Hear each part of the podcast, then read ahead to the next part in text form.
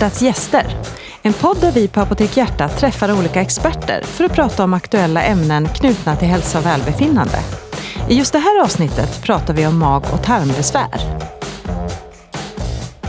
Hjärtats gäster med Annika Svedberg, chefsapotekare på Apotek Hjärtat och Carolina Karlsson, farmaceut på Apotek Hjärtat i Tyresö centrum.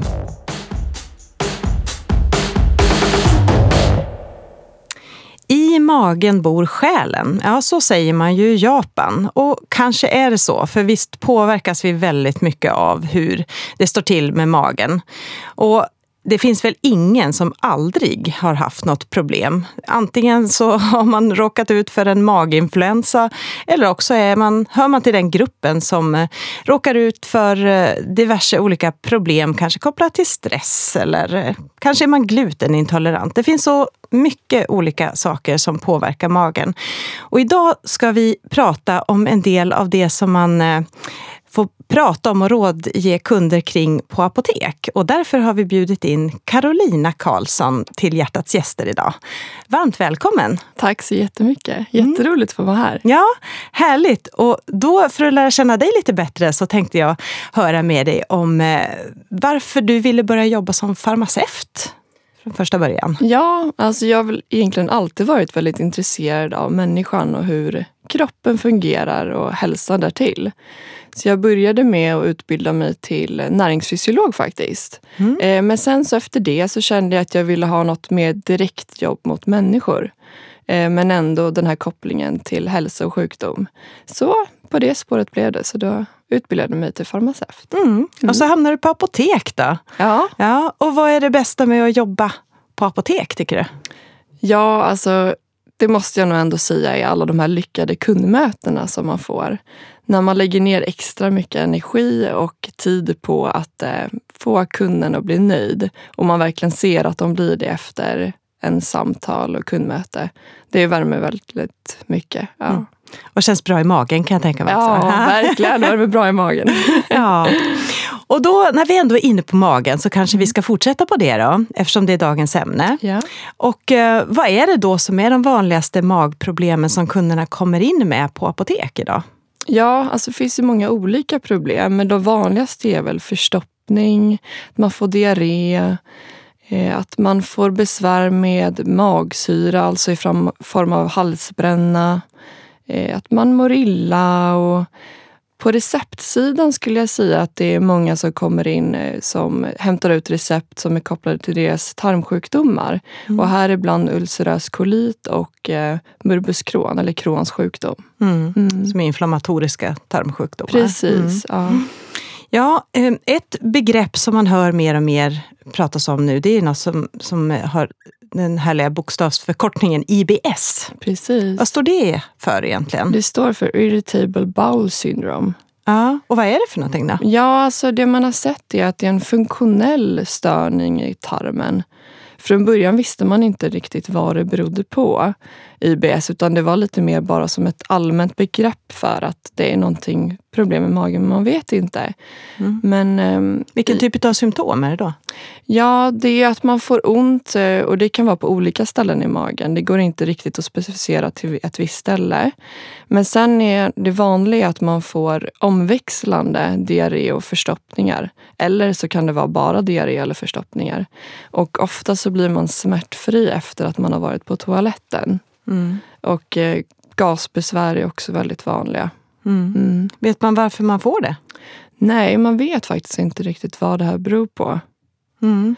Men just det här att man, man har sett att det är någonting som inte stämmer med tarmmotoriken. Ja.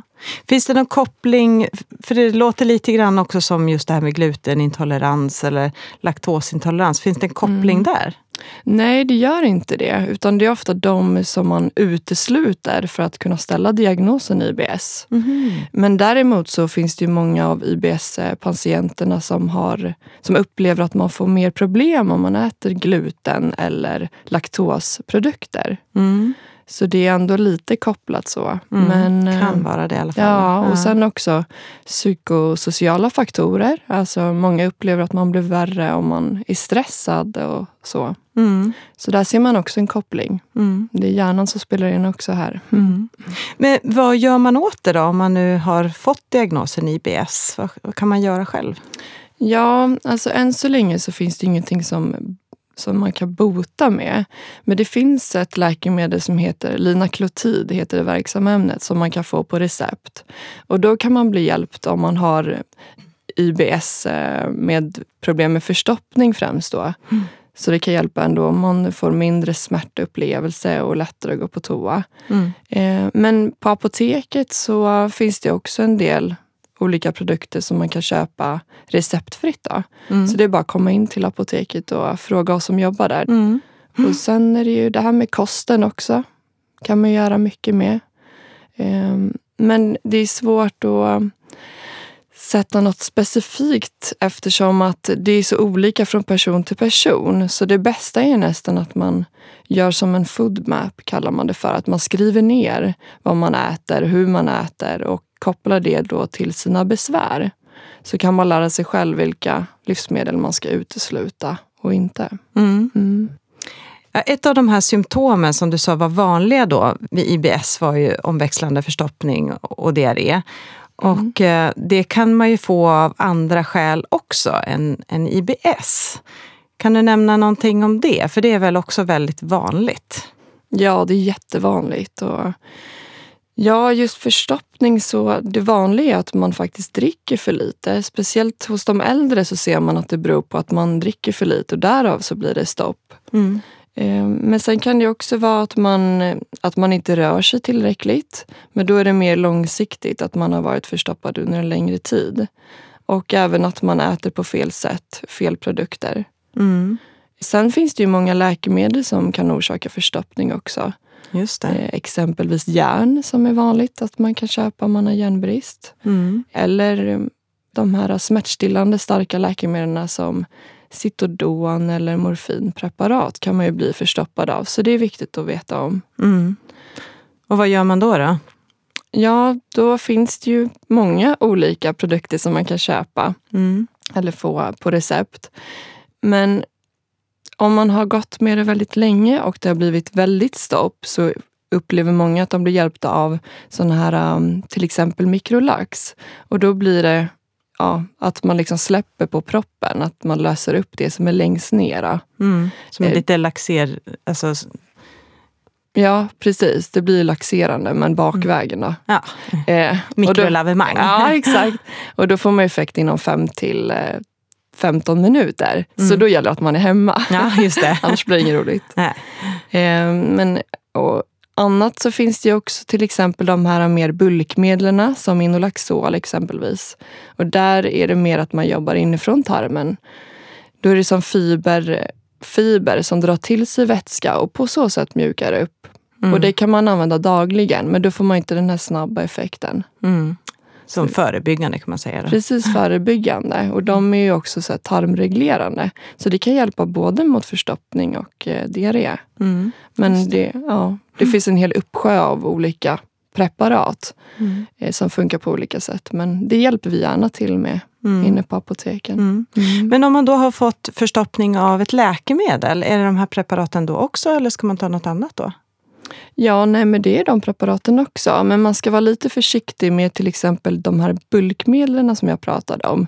För då kan det bli ännu mer stopp i tarmen om man står på morfinpreparat och det. Mm. Så eh, då är det viktigt att man eh, frågar oss så att man väljer rätt. För det finns andra, till exempel de som funkar mer osmotiskt som laktulos som man kan ta regelbundet. Mm. Mm. Och, och rent laxerande, tarmretande då? Som, Ja, exakt. som man snabbt får. ja, igång man får magen. snabb Mm. effekt. Mm. Mm. Ja, och när ska man kontakta vården? Eh, om man har väldiga problem då med, med förstoppning eller, Mm. eller tvärtom med diarré. Ja, ja, precis. Nej, men det är ju, om man ser till diarré så är det ju ifall man, i- att det inte går över eller att man får återkommande diarréer. Då är det viktigt att man tar kontakt med vården. Och även ifall man skulle se att man har blod i avföringen då är det jätteviktigt att man tar kontakt med vården för då kan det vara någonting som sitter högre upp som har börjat blöda. Mm. Annars är det om man går ner i vikt, viktnedgång utan någon annan förklaring till det. Mm. Ja. Sjukdomskänsla. Mm. Ska man också ta kontakt med vården. Mm. Även också, det är viktigt att komma ihåg att om man är över 45 år och aldrig tidigare haft problem med magen, alltså lite mer problem då, mm. eh, så ska man också ta kontakt med vården. Ja, varför det då? Jo, men det är för att då vill man utesluta så att det inte finns andra faktorer som gör att man har fått det här. Och som kanske kan vara att man inte kan hjälpa till i egenvården med dem utan då vill man undersöka lite mer grundligt. Mm. Ett annat problem som väldigt många upplever, både patienter som har IBS men även andra, det är ju gaser i magen. Och det kan ju vara jättejobbigt när man blir, känner sig väldigt svullen och knappt kan vistas bland folk mm. för att man upplever ja. att man hela tiden måste knipa. Hur kan ni hjälpa dem, patienterna eller kunderna? Ja, precis. Ja, men det finns jättebra receptfria läkemedel. Då. Till exempel Dimeticon är ett preparat som man kan ta i kapselform. Mm. Eh, och Det funkar på så sätt att det bryter ner skummet som bildats i och med galsbildningen. Så det kan hjälpa många. Och Då ska man vara beredd på att det kan ta ett par dagar innan man får hjälp av det. Mm. Sen ska man ju se över kosten såklart också. Där är en jättestor bov. Så till exempel godiset i påsk nu kan mm. man tänka på. Minska ner lite på eller vara beredd på att man kan bli lite gasig i magen. Mm. Sen eh, någonting som många kanske inte tänker på är att ett för stort fiberintag också kan skapa gasbildning.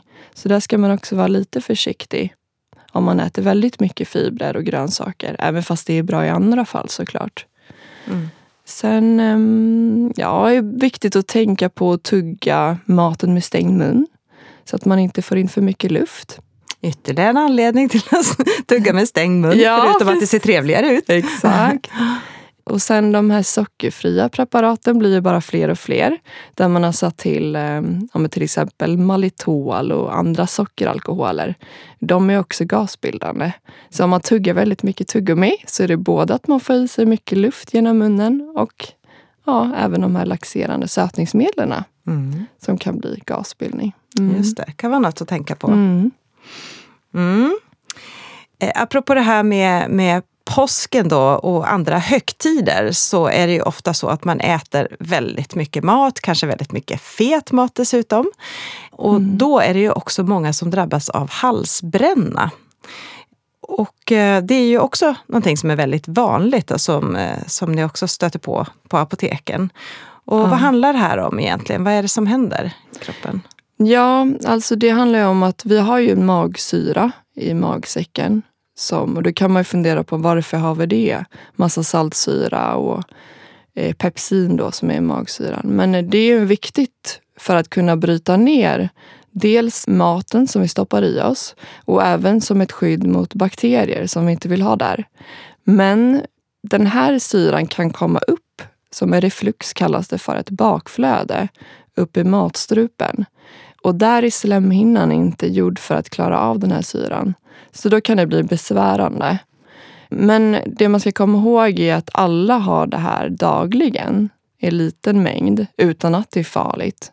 Men det är när man utsätts för det här, exponeras för den här magsyran ofta som det kan bli ett problem. Mm. Men alla har nog känt det någon gång att man får den här brännande, sura känslan upp i munnen. Ja. Mm. Mm. Men om det nu är så att man har välja besvär av det, vad finns det då? Som hjälp? Ja, vid lite lättare besvär så kan man prova de här ämnena som neutraliserar magsyran. Till exempel Novalucol eller Novalucid som man kan köpa receptfritt på apoteket. Och det är många som blir bra hjälpta av det. Till exempel i samband med att man ätit någon stor måltid under påsken så kan man ta en sån så mår man oftast bättre. Om man får lite svårare besvär eller har problem under lite längre tid under dygnet så kan man prova eh, protonpumpshämmarna och då minskar man syresekretionen så det blir lite längre effekt. Och vad är det, protonpumpshämmarna? Ja, vad är det för läkemedel? Det är till exempel Omeprazol. Mm. Många känner igen den som Losec från början också. Just mm. Det finns mm. lite olika varianter. Mm. Mm. Är något annat man kan eh, göra för att avhjälpa sådana här sura uppstötningar? Annat än läkemedel, tänker jag. Ja, jo men det kan man. Man kan tänka på att dricka mindre kaffe. Eh, stark mat kan också orsaka att man får mer sura uppstötningar. Eh, och sen det, har man sett att det är effektivt om man äter lite mindre portioner och oftare istället för stora och färre. Mm. Mm. Just det. Ja. Och nattetid har jag också lärt mig att man kan höja upp eh, huvudändan av sängen. Ja, men just det. Att, eh, det mm. stämmer. Det är ja. jättebra tips också. Ja. Ja. Förr pratade man om telefonkataloger, men det finns inte längre tror jag. Så nu får man väl ta till böcker eller andra ja. sätt att höja upp. Ja, vad bra. Men det här med, med eh, magsyran då, det kan ju orsaka sura uppstötningar då, men även magsår. Eller hur? Det, och det kommer ni också i kontakt med, både i egenvården och kanske på recept också när det är konstaterat. Ja, precis. Mm. Och, det, mm. och, och vad är det man... Vad, vad, kan ha orsakat det och hur avhjälper man magsår? Mm. Alltså magsår kan man få dels i magsäcken eller tolvfingertarmen som är början på tunntarmen, första delen där.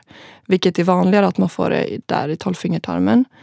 Eh, och det som händer är ju att eh, det är slemhinnan som egentligen går sönder om man ska säga det enkelt. Eh, och det bildas som ett sår.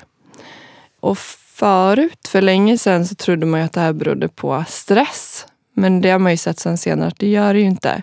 Utan det är en bakterie som heter Helicobacter pylori som trivs just bara i magsäcken. Och den har specialiserat sig på att vara där. Så den sätter sig längs slemhinnan, borrar sig in där och skapar en inflammation. Så tyvärr så eh, är det många som får magsår då. Men de flesta som får den här bakterien behöver inte få magsår ändå utan det här är lite olika vem som får det och inte och det vet man inte riktigt. Men det man vet är att man ofta blir smittad eh, i ung ålder, alltså när man är barn. Mm. Och en annan orsak till magsår kan vara användningen av NSAID som är antiinflammatoriska och smärtstillande läkemedel. De kan också ge upphov till magsår. Och då är det här ibland Trio, diklofenak, Ibuprofen som finns i Ipren. De kan orsaka det. Eh, så de ska man vara lite försiktig med om man har haft problem med magen eller särskilt om man är äldre för då har man en känsligare magslemhinna. Så det är viktigt att tänka på och kanske då istället välja paracetamol som inte har den här biverkningen på magens slemhinna. Mm. Mm. Men eh, när då man ska vända sig till, eh, till en läkare? När, vilka symptom är det på, på magsår? Ja, det är ofta så får man en molande verk som har en brännande känsla och lite skärande. Mm. Ofta i samband med att man äter. Och sen eh, kan man även få um, att man, att man kräks upp som kaffesump beskriver man det som att det nästan ser ut som. Och då är det liksom torkat blod. Så om man kräks blod eller av blodiga diarréer för den skullen också så ska man söka vård. Mm. Ja. Eller ha mycket problem med smärta då? Ja, eller mycket problem med smärta precis mm. som inte vill ge med sig. Mm. mm. Då är det viktigt att kolla upp vad det kan bero på. Mm. Mm. Just det. Och Någonting annat som du nämnde också att ni stöter på på receptsidan när man kommer hämtar ut läkemedel, det är de här inflammatoriska tarmsjukdomarna. Du nämnde Crohns sjukdom och ulcerös kolit. Yes. Kan du berätta lite grann om dem? Mm. Det är två stycken inflammatoriska tarmsjukdomar som egentligen är ganska lika varandra i dess symptom. Så ibland kan det vara svårt att skilja dem åt. Så det krävs att man får en ordentlig undersökning. Men Morbus Crohn, eller Crohns sjukdom, den kan drabba hela mag och tarmkanalen. Men ofta så är det tunntarmen och eh, början på tjocktarmen. Och där ser man att man får som inflammationer i avgränsade områden. Så det kan vara på flera olika ställen men som inte hänger ihop. Till skillnad mot ulcerös kolit som man får i ändtarm eller tjocktarm eller både och. Men där är det inte avgränsade områden utan området som är inflammerat hänger ihop. Mm. Mm. Och vad är, vad är symptomen på de här sjukdomarna? Ja, det är ju ofta får man feber om man har haft det ett tag eftersom att det är en inflammation i kroppen. Eh, och sen är det vanligt att man går ner i vikt, att man tappar aptit. Man kan få blod i avföringen. Avföringen kan vara slemmig också. Det ser man är vanligare hos ulcerös kolit-patienterna. Man kan även bli förstoppad, men det är inte lika vanligt. Och sen får man ju jätteont. Det är smärtsamt. Men det här får man ju inte över en natt utan det är ju liksom en process som sker innan man får de här ordentliga besvären. Då. Mm. Mm. Och då är det förstås så att man vänder sig till vården för att få diagnos och konstaterat vad det Precis. beror på. Och vad, vad gör läkarna då? Hur får ja. man hjälp? Jo, men då tar man reda på vad man har för någonting och sen så sätter man ju in en, det som handlar med de här patienterna är att man vill ha en underhållsbehandling. Just att man ska undvika att få de här inflammationerna, de här skoven som det kallas för. Eh, så då får man en underhållsbehandling med läkemedel som är antiinflammatoriska och även som sänker ner ens egna immunförsvar lite. Just för att det inte ska blossa upp de här. För man vet ju fortfarande inte vad det beror på att man får den här inflammationen. Så det är en autoimmun sjukdom. Mm. Så det går ju fortfarande inte att bota.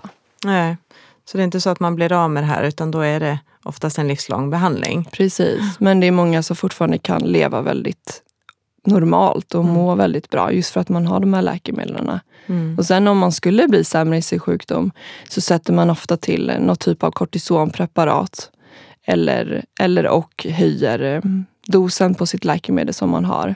Mm. Men Crohns sjukdom får man oftast, kan man få lite svårare besvär med. Så där kan man behöva sätta till eh, lite starkare mediciner för att hämma ens egna immunförsvar. De är immunosuppressiva som det kallas för. Mm. Mm. Men vilka är det då som drabbas av de här inflammatoriska tarmsjukdomarna? Ja, alltså i Sverige så är det ju närmare 100 000 personer som har antingen ulcerös kolit eller Crohns. Ehm, och det är en autoimmun sjukdom som jag sa tidigare, så man vet ju inte riktigt varför man drabbas. Eh, men det man kan se är att det finns genetiska aspekter, alltså att det är delvis ärftligt i samband med andra faktorer också. Men man har hittat en gen hos eh, 20 procent av de som drabbas av Crohns, att de har den här specifika genen. Och för ulcerös kolit-patienterna så har man sett att det är 20 procent som har antingen en kusin eller närmre som också har den här sjukdomen eller Crohns. Så det är en ärftlig faktor. Mm. Mm. Ja, då har vi avhandlat den delen också. Vad skulle du då säga, Carolina? Har du några bra tips på hur man kan förebygga en orolig mage, som ju många av oss har, ja, från eller till? Absolut. Alltså regelbunden motion är A och O. Ja. Att få liksom tarmarna att röra sig naturligt sätt. Och då kan det räcka med en promenad på 30 minuter bara. Sen rekommenderar jag att man äter grönsaker till varje måltid så att man håller igång magen och byter ut eh, de här veteprodukterna till fullkornsprodukter istället. Och sen sist men inte minst att vi håller oss lugna när vi äter och går på toa. Stressa är inte bra för någon av oss och inte för magen heller. Mm. Så det är viktigt att tänka på. Ja, det var bra tips för att hålla magen igång och det kan vi alla behöva tänka på. För som jag inledde med så är ju just problem med magen något som är väldigt, väldigt vanligt. Förr eller senare kommer det. Mm. och det finns mycket man själv kan göra och blir det ändå så att man får väldigt stora besvär, då kan ni absolut komma in till oss på apoteken och få hjälp. Eh, och vi kan också guida vidare till sjukvården om det skulle behövas. Absolut. Men det mesta klarar man av att förebygga själv. Ja. Tack så jättemycket för att du kom hit och delade med dig av dina kunskaper, Karolina. Tack så jättemycket för att du fick komma. Det är jätteroligt har det varit. Mm.